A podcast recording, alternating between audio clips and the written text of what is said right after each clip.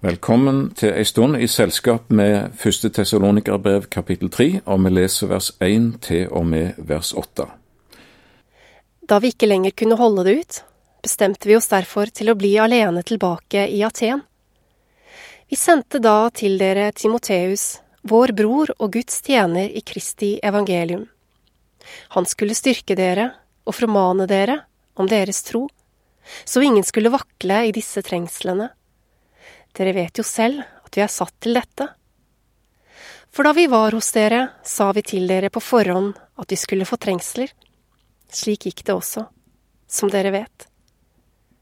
Da jeg så ikke kunne holde det ut lenger, sendte jeg bud for å få vite hvordan det sto til med deres tro, om fristeren skulle ha fristet dere, slik at vårt arbeid ble forgjeves. Men nå er Timoteus kommet tilbake til oss fra dere. Han har brakt oss gode nyheter om deres tro og kjærlighet, og fortalt at dere stadig tenker på oss med glede og lengter etter å se oss igjen, slik også vi lengter etter å se dere. Slik ble vi da trøstet over dere, brødre, i all vår nød og trengsel, ved deres tro. For nå lever vi, om dere bare står fast i Herren da vi ikke lenger kunne holde det ut. Hva da? Jo, å være atskilt fra de kjære tessalonikere, og ikke vite hvordan det gikk med de. Det var uutholdelig. Da Paulus sjøl ble forhindra, sendte han Timotius til tessalonikerne for å styrke deres tro, for å veilede de, og for å finne ut hvordan det faktisk gikk med de. Paulus bar på en frykt at tessalonikerne skulle ha vakla i troen på grunn av forfølgelsene vers 3. At fristeren Satan skulle ha makta å lokke de bort ifra Jesus, vers 5. Djevelen er jo kreativ. Det skal han ha. Hans mål er ensporet, alltid det samme, å få mennesker bort ifra Jesus, men midlene han bruker, er forskjellige. Og Paulus visste at de nyfrelste i Tessalonika var under angrep på flere fronter. For det første med trengsler, forfølgelser, trusler og vold. Men så snur djevelen kappen, og så kommer han med smigrende ord og løfter.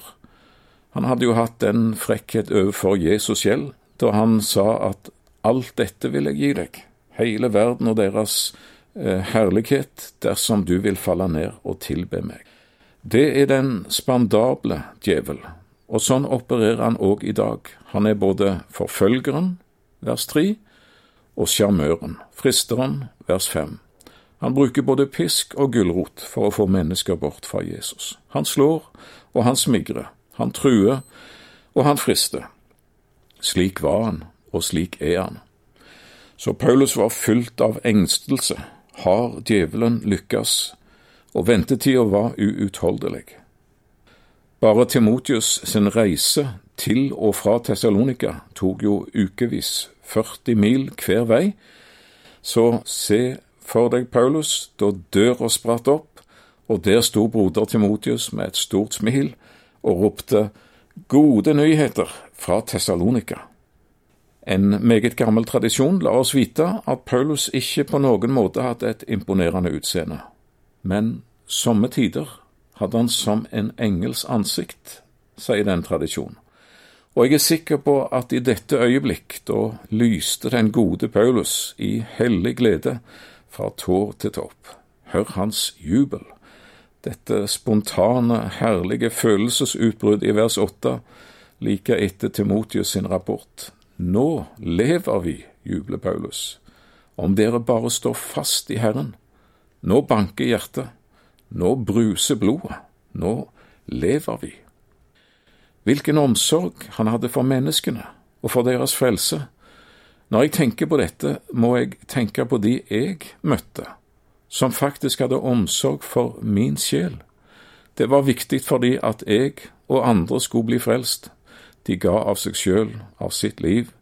De satte annet til side for å gi et barn, en ungdom, et menneske, evangeliet.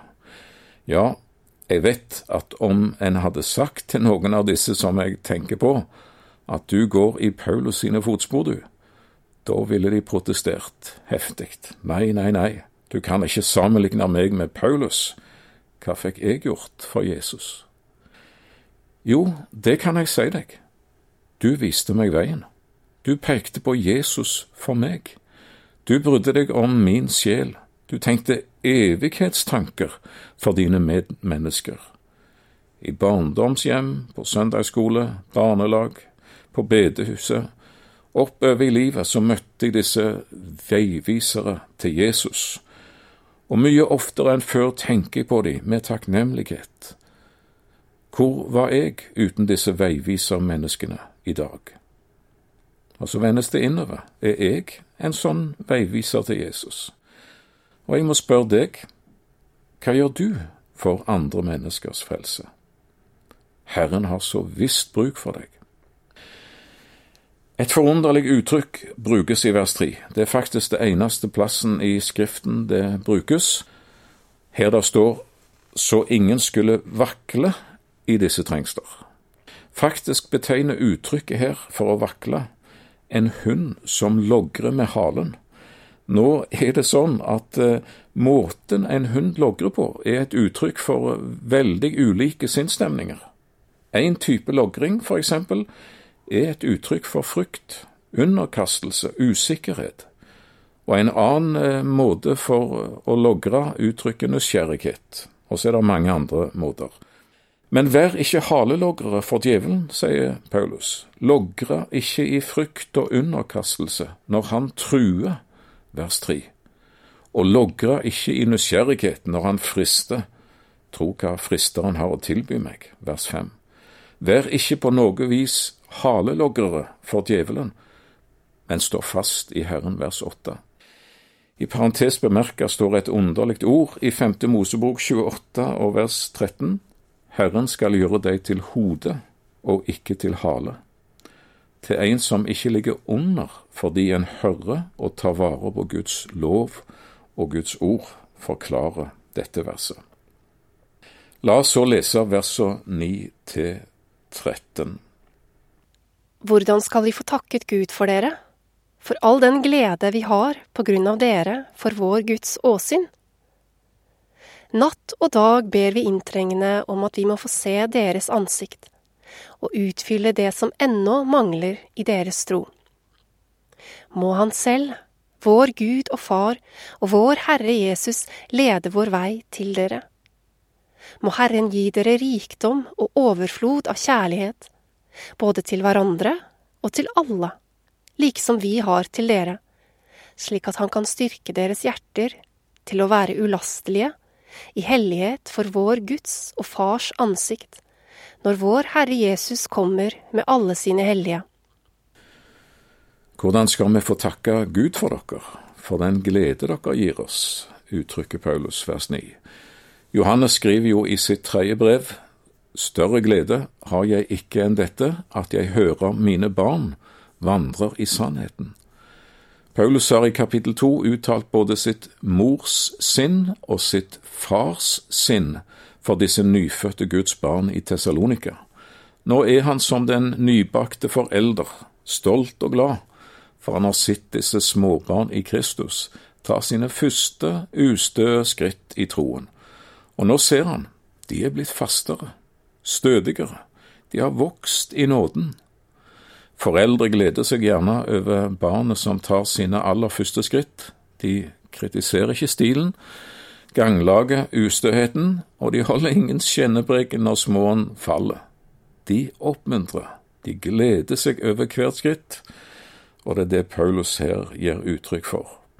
En kan tross alt ikke forvente all verden av en nyfødt baby. Det var store mangler i tessalonikernes tro, får vi vite, det var så mye de ikke visste. De var nye på en for de ukjent vei. Paulus kjefter ikke på de, men han forsikrer at vi ber inderlig for dere, både dag og natt. Vi lengter etter dere, vi gleder oss og vil gå sammen med dere og hjelpe til og utfylle det som ennå mangler i deres tro, vers 10.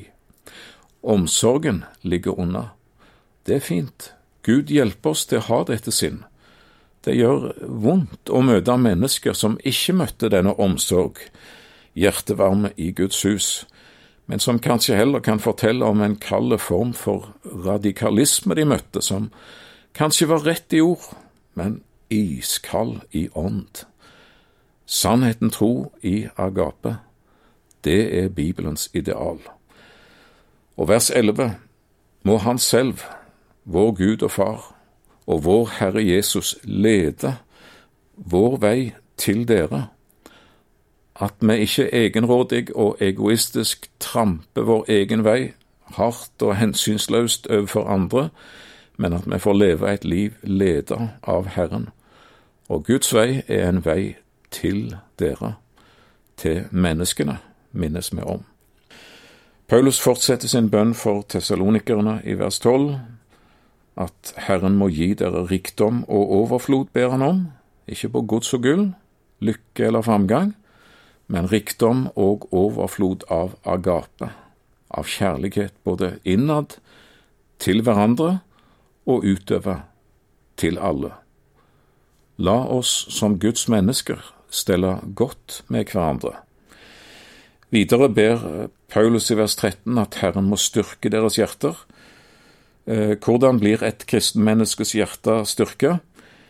Ikke ved lovens ord, ikke ved egne beslutninger, at fra nå av skal jeg ta meg i sammen og virkelig si nei til synd og leve 100% for Herren. Hebreabrevet 13 vers 9 sier, Det er godt at hjertet blir styrket ved nåden. Nåden styrker hjertet, og hjelper oss å leve i og under nåden, for det er sånn vi blir bevart inntil vi står ulastelige i hellighet for vår Guds og Fars ansikt når vår Herre Jesus kommer med alle sine hellige. Det er målet.